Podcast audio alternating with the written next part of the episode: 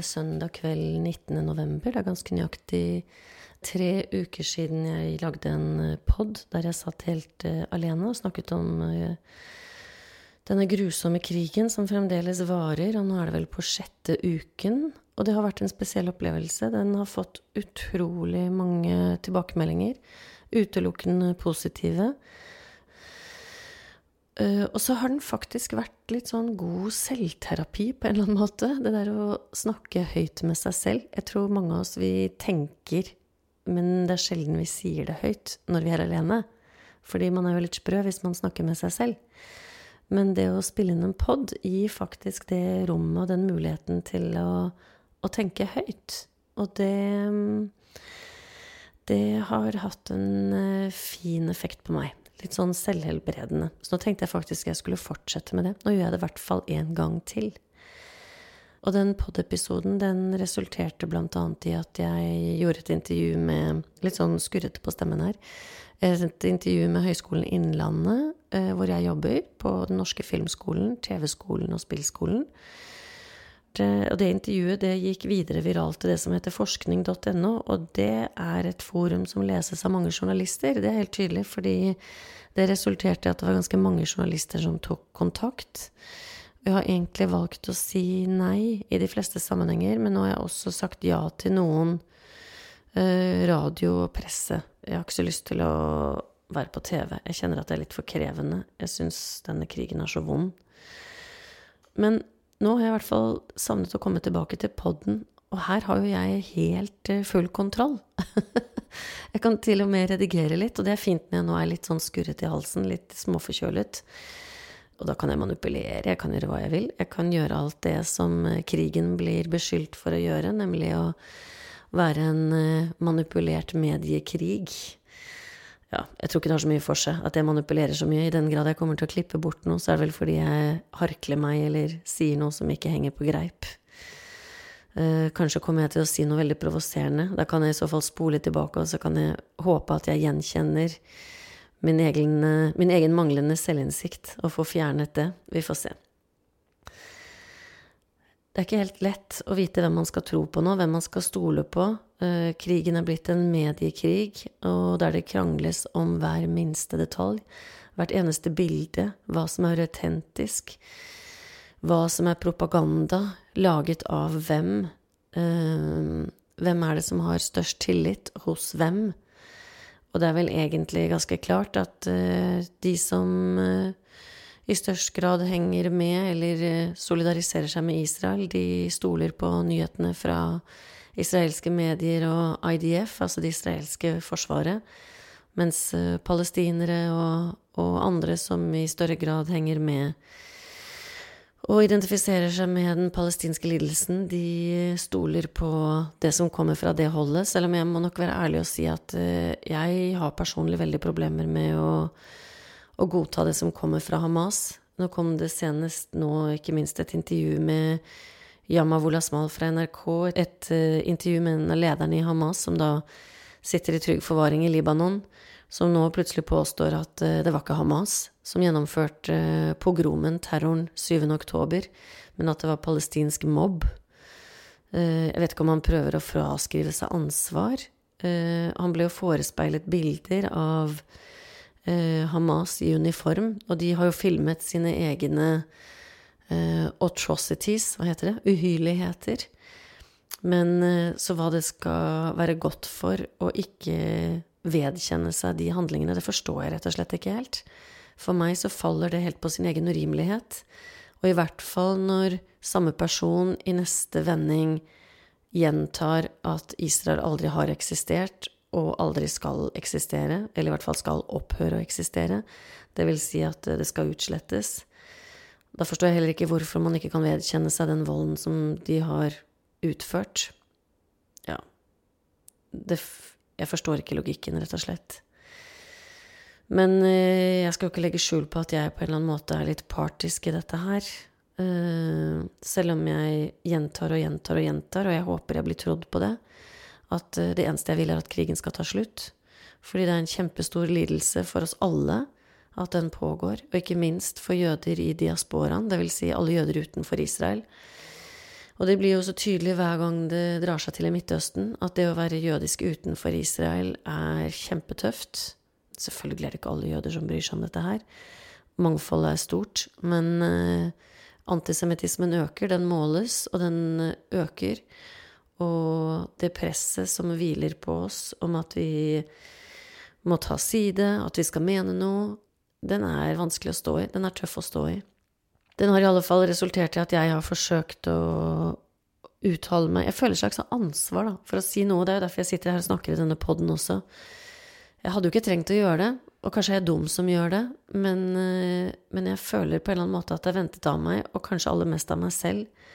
Så da sitter jeg her igjen, da, foran mikrofonen, og skal prøve å tenke litt høyt. Jeg lurer på hvor mange det egentlig er som betviler at Hamas gjennomførte terroren. Jeg skulle gjerne likt å høre det. Eh, jeg lurer også på hvor mange det er som betvi egentlig betviler at Hamas har disse tunnelene under sykehusene. Når jeg ser på nyhetene nå på NRK, nå er det midt i en sånn fase hvor Israel driver og, og destruerer disse tunnelene. Og de har vært inne i Al-Shifa-sykehuset, og de har funnet noen kalasjnikover og noen eh, bombesikre vester, eller hva det heter. Skuddsikre vester, heter det kanskje. Og så ser jo det litt sånn stusslig ut. Var det alt de fant, kan man tenke. De har funnet en del utstyr bak noen MR-maskiner osv. Og, så og på den annen side så har jo Hamas hatt fem-seks uker på seg til å rydde bort. Så sannsynligheten for at uh, det har vært mye, mye mer, er jo stor. Uh, jeg syns likevel det er underlig at man stiller dette spørsmålstegnet ved om de har vært der. Altså, hvorfor skulle de ikke ha vært der? Det sås på en måte en slags sånn tvil, da. Tvilen innebærer jo da at de skulle ha plantet alt dette selv. Jeg skjønner ikke helt logikken i det heller. Men det er mulig at det er jeg som er naiv, og at uh, i en sånn mediekrig så handler alt til slutt egentlig bare om å konstruere historier og prøve å vekke opinionen til sin side. Det er veldig Det er veldig absurd.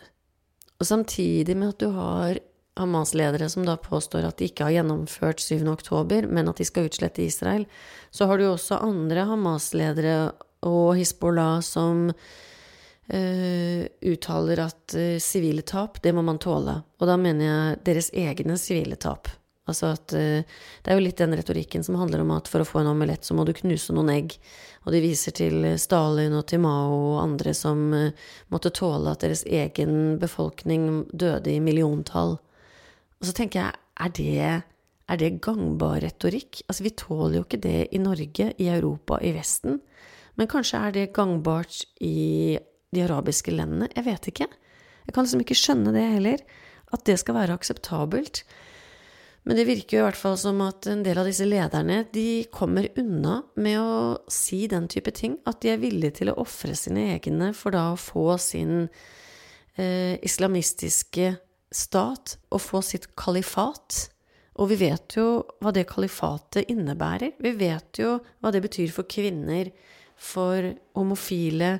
Vi vet jo Vi har jo sett flere ganger hva disse fundamentalistiske, islamistiske statene i praksis betyr.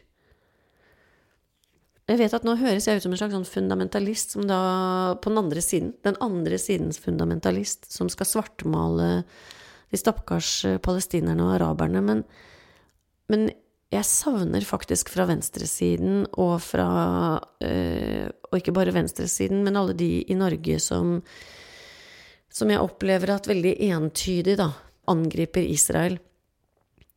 Jeg, jeg, savner å høre deres tanker om dette, og jeg syns det eh, det er et problem at ikke de kommer tydeligere på banen. Det er en uh, palestinsk amerikaner som heter så mye som Rashid Khalidi, som hadde et uh, interessant intervju i Klassekampen i går. Jeg har Klassekampen på lørdag og har stort utbytte av det. Og han påstår at det er korrupte arabiske ledere som er antisemitter, ikke det arabiske folk. Kanskje har han rett i det, jeg vet ikke. Kanskje er det slik med jødene også, at det er de jødiske lederne, Netanyahu og de høyreekstreme bosetterne, som er eh, rasister overfor palestinerne og araberne. Altså, det er ikke noe tvil om at det er bøttevis med rasisme i Israel. som rettes mot uh, araberne i regionen. Men uh, jeg tror det er for enkelt å si at det bare er lederne. Jeg tror at uh, det er en grunnfestet antisemittisme i mye av den muslimske kulturen i de arabiske landene. Og jeg tror etter hvert også at det har kommet en ganske grunnfestet uh, rasisme i Israel mot en rekke Altså mot uh, palestinere og arabiske befolkninger. Uh, jeg tror hatet etter hvert er blitt så stort, og det gjør meg veldig, veldig engstelig, fordi jeg sliter med å se hvordan vi skal komme ut av dette her.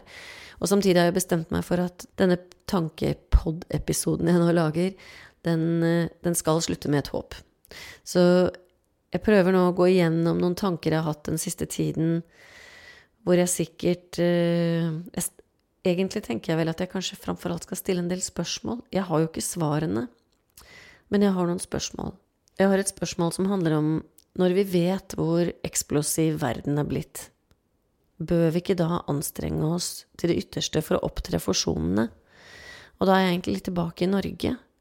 Uh, og så kommer jeg til å tenke på Sumaya Jirde Ali, som er eh, redaktør for kvinnemagasinet Fett, som jo er et, eh, et, veldig feministisk magasin.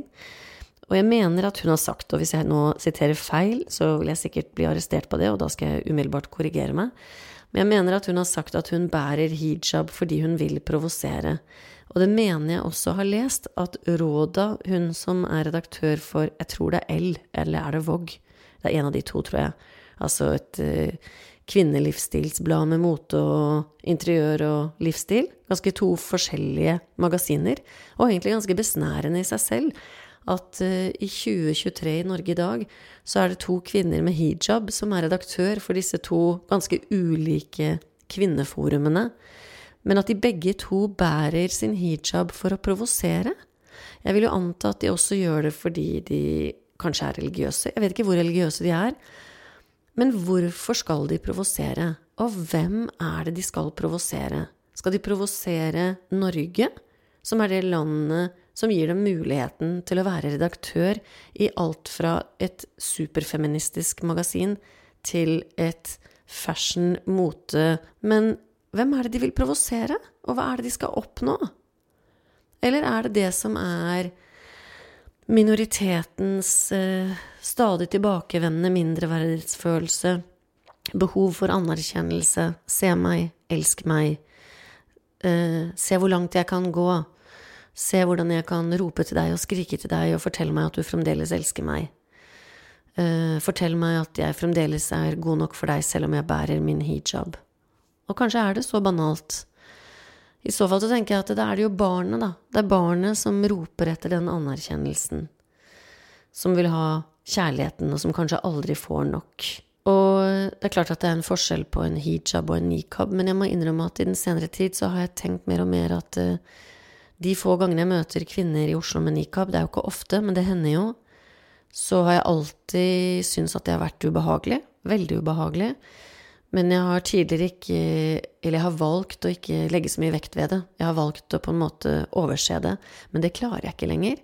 Når jeg nå ser en kvinne i nikab, så ser jeg en terrorist. Jeg ser en militant figur. Og jeg forstår heller ikke hva vedkommende vil. Bortsett fra at det kanskje er det samme, da, som med hijaben. Se meg, elsk meg. Uh, I dette landet, som tross alt er kanskje, om ikke det mest tolerante, så i hvert fall blant de mest tolerante landene i verden og som gir alle disse mulighetene. Til og med muligheten til å ikle seg det som utstråler avsky og forakt, eh, og som forventer tilbake å få respekt. Og som sagt, kanskje er det barnet. Og kanskje er det slik i vårt samfunn nå at eh, de voksne har gått og lagt seg? Altså, hvor er det blitt av de voksne? Er det barna som regjerer? Jeg syns Hassan hadde en ganske god kommentar på norsken, svensken og dansken, jeg tror det var enten denne uken eller forrige uke, hvor han hadde registrert at uh, de som går i demonstrasjonstog for palestinerne, er de unge. Og de som går i demonstrasjonstog for Israel, som riktignok er veldig mange færre, i hvert fall i Norge, det er de voksne eller de eldre. Og vi har jo en kultur, tenker jeg, i Norge om at vi skal lytte til de unge. Kanskje har det noe med 22. juli å gjøre, at uh, der var de unge ofrene. Uh, og at etter det så skal vi i veldig stor grad høre på dem og lytte til dem, og de trenger vår oppmerksomhet. Og det gjør vi, det trenger de selvfølgelig. Selvfølgelig skal vi lytte til de unge. Men jeg lurer på om det kanskje har vippet litt langt. Og jeg lurer på om det på mange måter egentlig også er et svik. For hvis ikke vi voksne tar ansvaret vårt og forteller, basert på våre erfaringer, hvor skapet skal stå, ja, da, da blir det jo fullt anarki, da. Da blir det jo de unge som eh, med sin manglende erfaring skal beslutte på vegne av oss alle. Og hvor unge skal de få være? Altså For å sette det på spissen, skal vi høre på toåringene også? Og det mener jeg selvfølgelig ikke, da skal jeg arrestere meg selv umiddelbart. Men uh, hvor ungt er ungt? Og når, uh, når bør de voksne abdisere, og ikke abdisere? Det er jo også en slags ironi i at i de mer patriarkalske muslimske kulturene så er det jo nettopp de gamle som regjerer. Det er der respekten er. Nå høres jeg ut som en gammel dame som vil ha respekt, og det vil jeg selvfølgelig gjerne ha. Men eh, det er ikke det det handler om. Det handler om at det er en ungdomskultur. Men jeg lurer jo også på om vi er i ferd med å skape et grenseløst samfunn. Og det er jo ingenting som skaper større grad av utrygghet enn mangel på definisjoner, oppdragelser av øh, grenser. Eh, et univers uten grenser er, gir jo ingen frihet. Frihet eksisterer innenfor rammer av noe som er definert. Så jeg lurer jo på om det er noen voksne hjemme, eller om de har abdisert. Og er det å gjøre de unge en tjeneste? Jeg tror ikke det. Dessuten vet vi jo at uh, veldig mange unge får sine nyheter fra TikTok, som er eid av kineserne, som er pro-palestinsk. Nå vil noen sikkert si at jeg er veldig konspiratorisk her, men uh, jo mer jeg leser i avisene og i mediene, og følger med på internasjonale medier også, så tenker jeg at uh, her er det altså så mange interesser ute og går, og så mange krefter. Og det er jo ikke bare nasjoner mot nasjoner, men det er jo interne krefter innenfor samme nasjon. Ta et land som Libanon, hvor det er store stridigheter mellom Hizbollah i syd og andre mer moderate krefter i nord, og hvordan de må opprettholde en terrorbalanse internt, og derfor kanskje nettopp unngår å komme i en konflikt nå med Israel. De interne stridighetene i Israel, hvor det snakkes om hvordan man hele tiden spiller den ene ut mot den andre for å være For å kunne spille Hamas opp mot Fatah, osv., osv. Altså Russland, Syria, De arabiske emirater, Qatar Altså, hele sulamitten Nei, det er bare en lapskaus. Det er en skikkelig lapskaus. Nå på lørdag, i går faktisk, så var jeg på Egertorget. Jeg var ute og skulle gjøre noen innkjøp, og på Egertorget så skjedde det noe interessant som jeg aldri har sett før. Nå er jeg veldig sjelden nede i sentrum, men da var det en sånn stand med unge muslimer. Jeg tror det er riktig å kalle dem islamister. For meg, i begrepet islamister, så ligger det noe som er mer religiøst enn å være en muslim. En muslim eh, er en som eh, bekjenner seg til eh, kulturen og kanskje også religionen islam. Men en islamist er for meg en som utøver religionen mer aktivt, og innimellom på grensen til radikalisert. Og så har du selvfølgelig radikaliserte islamister, som jo ligger i ordets ordlyd, hva de er, eh, tenker jeg. Og de som sto på Egertorget, de så ut for meg som de var eh, i hvert fall svært religiøse. Om de var radikaliserte, det vet jeg ikke. Men eh, jeg skulle tatt et bilde av den, eh, det teltet deres, for der sto det altså så mye rart. Og jeg ble så sjokka at jeg fikk meg ikke Jeg ble helt befippet. Jeg fikk meg ikke til å ta bilde engang. Eh, og jeg tror kanskje til og med jeg ble litt engstelig, at jeg nesten ikke turte. Men det handlet jo om at uh, verken jødedommen eller kristendommen uh, hadde egentlig noen eksistensberettigelse, men skulle innlemmes i islam. Og at uh, islam og uh, profeten Mohammed og Allah var den eneste rette lære. Og det var også litt uklart for meg om de egentlig drev en form for misjonering, eller om de drev mer bare og informerte eller om de nå på en måte er kommet dit hen at de føler seg så trygge i det norske samfunnet at uh, det å stå på Egertorget på en lørdag hvor det bare koker av mennesker, og ta den plassen med ganske stor selvsikkerhet og ytre sitt budskap, uh, i dag er mulig på en helt annen måte enn tidligere. Jeg vet ikke. Jeg skulle gjerne likt å vite om de har stått der tidligere. Og så høres det selvfølgelig ut i min stemme nå som at dette er noe jeg stiller meg kritisk til. Uh, og så tenker jeg vel at i ytringsfrihetens navn så må de selvfølgelig gjøre det. Det mener jeg jo. Og de sto jo der fredelig, de, og ville gjerne være i dialog med, med menneskene som passerte. Men liker jeg det? Gud a meg, skal jeg være ærlig? Jeg må jo være ærlig og si at uh, jeg opplever det jo ikke som veldig forsonende når det står på teltet deres at kristne og jøder er vantro, og at disse religionene skal innlemmes i islam. Det er jo ikke veldig Skaper ikke veldig trygghet for meg, må jeg innrømme. Jeg jobber på Filmskolen, det er jo en kunstskole, og som de fleste kunstskoler i Norge, og også ellers, i hvert fall i Danmark og sikkert mye i Norden ellers, så er både studenter og ansatte gjerne på, på venstresiden. Det er ikke noe øh, Det er ikke noe hemmelighet, og heller ikke spesielt tabu å si, tror jeg. Og som jeg har sagt før, jeg tilhører også venstresiden i norsk politikk, selv om jeg nok ikke er så veldig langt ute på venstresiden. Uh, og da skjønner alle hvor jeg hører hjemme. Men denne uken så ble det postet en, et opprop med en film der en rekke av mine kollegaer tok avstand fra krigen på Gaza. Og det er det jo lett å forstå. Eh, jeg tar jo avstand fra krigen, jeg òg. Og nå husker jeg ikke ordrett hva alle sa, eh, og det er ikke sikkert jeg kan stille meg bak det alle sa, men jeg tror nok kanskje jeg kunne stilt meg bak de fleste.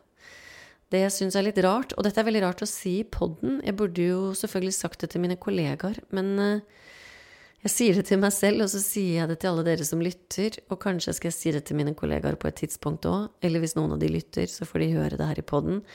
Det jeg kanskje syns var litt rart, var at jeg aldri ble bedt om å delta, og heller ikke informert om at vi lagde en slik pod.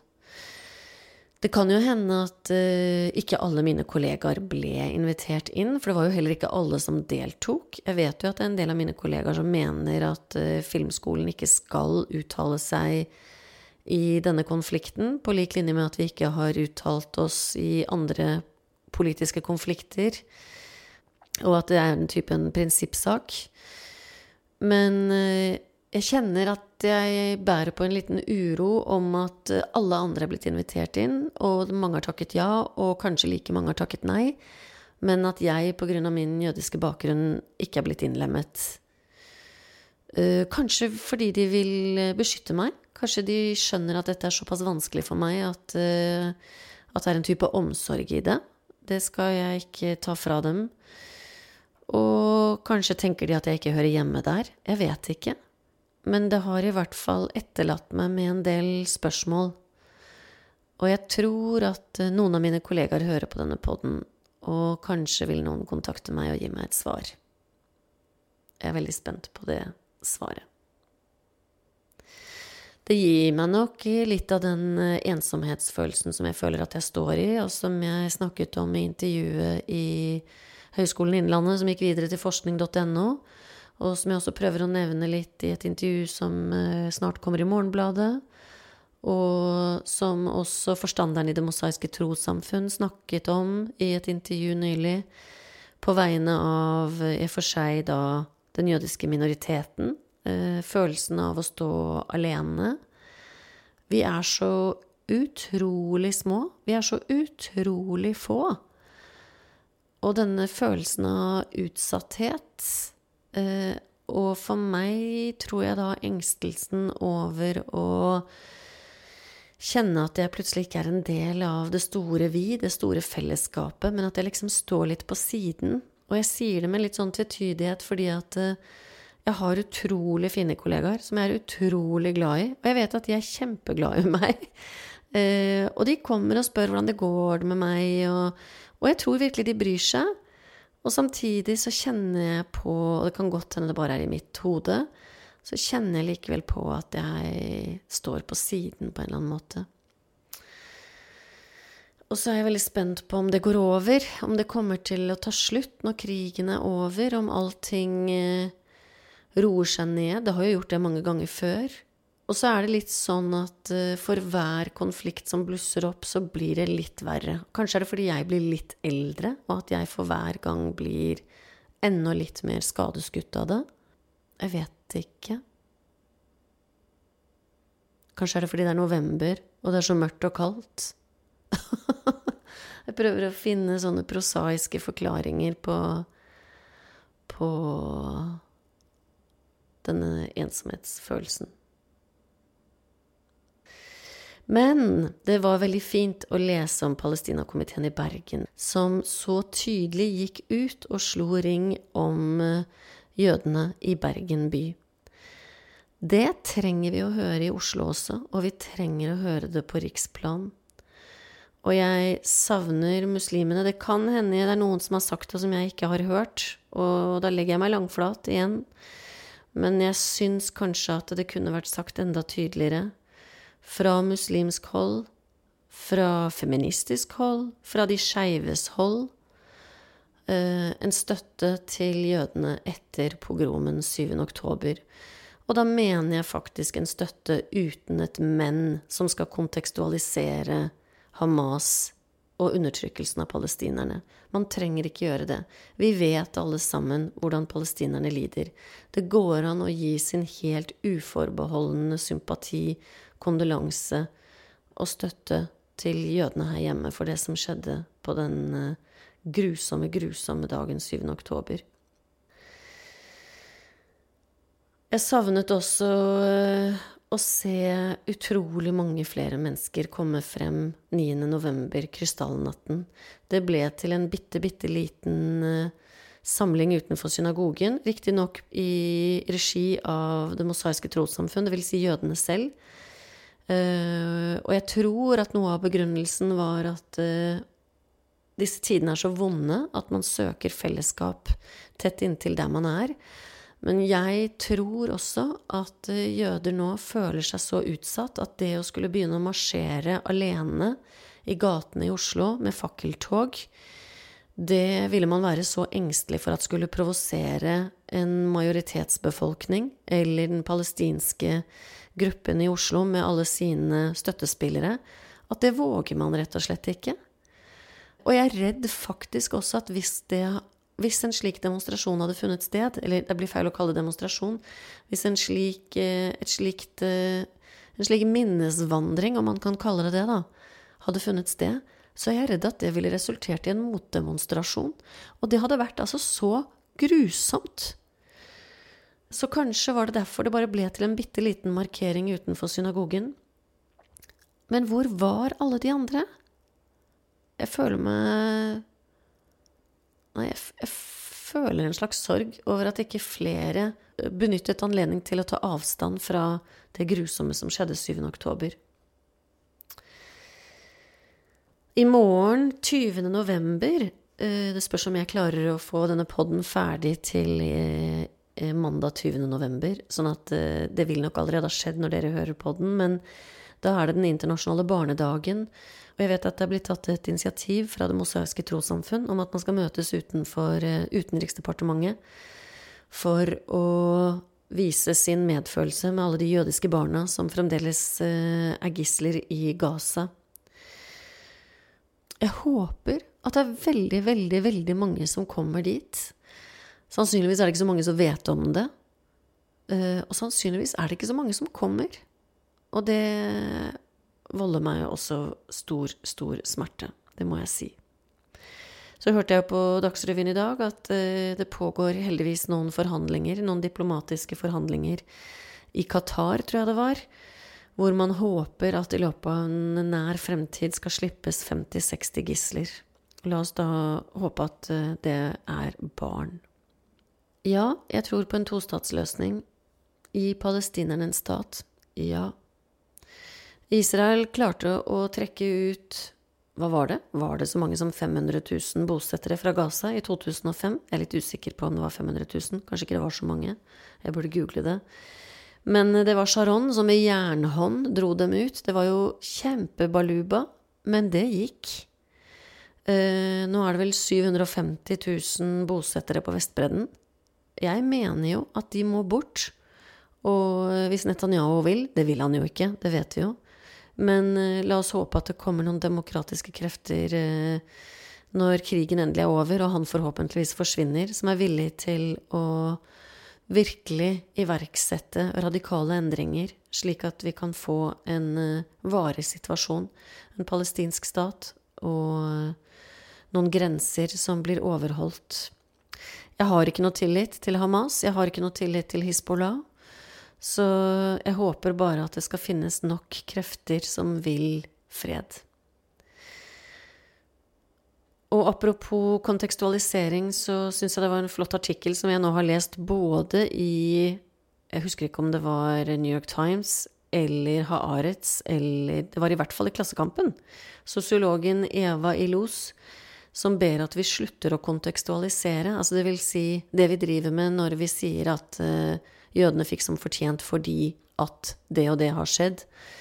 Uh, Hamas har handlet som de gjorde fordi at sånn og sånn. Eller jødene har rett til å gjøre sånn og sånn på grunn av holocaust. Vi må slutte med det. Det bringer oss ingen steder hen. Det gjør bare at vi alle går ned i skyttergravene og jeg har nok også hatt en tendens til å kontekstualisere. Men jeg tenker at eh, heretter skal jeg prøve å unngå det, og prøve å heller se fremover. Jeg har en venninne som fortalte meg nylig at eh, hun hadde spist middag med en veldig, veldig klok, belest, lærd eldre kvinne. En klok, eldre kvinne, amerikansk, ved et veldig fint universitet. Og hun, jeg tror kanskje hun var historiker. Hun eh, kunne mye om eh, kriger og samfunnsstrukturer og hvilke løsninger vi mennesker tyr til i ulike eh, perioder. Og så hadde min venninne spurt henne hva hun tenkte om krisetider og radikalisering, og når det ser så mørkest ut. Og da hadde denne historikeren sagt at du vet det at all historisk forskning viser at menneskene i det store og hele søker seg mot moderniteten. Det vil si, vi vil fremover. Vi vil fremskrittet.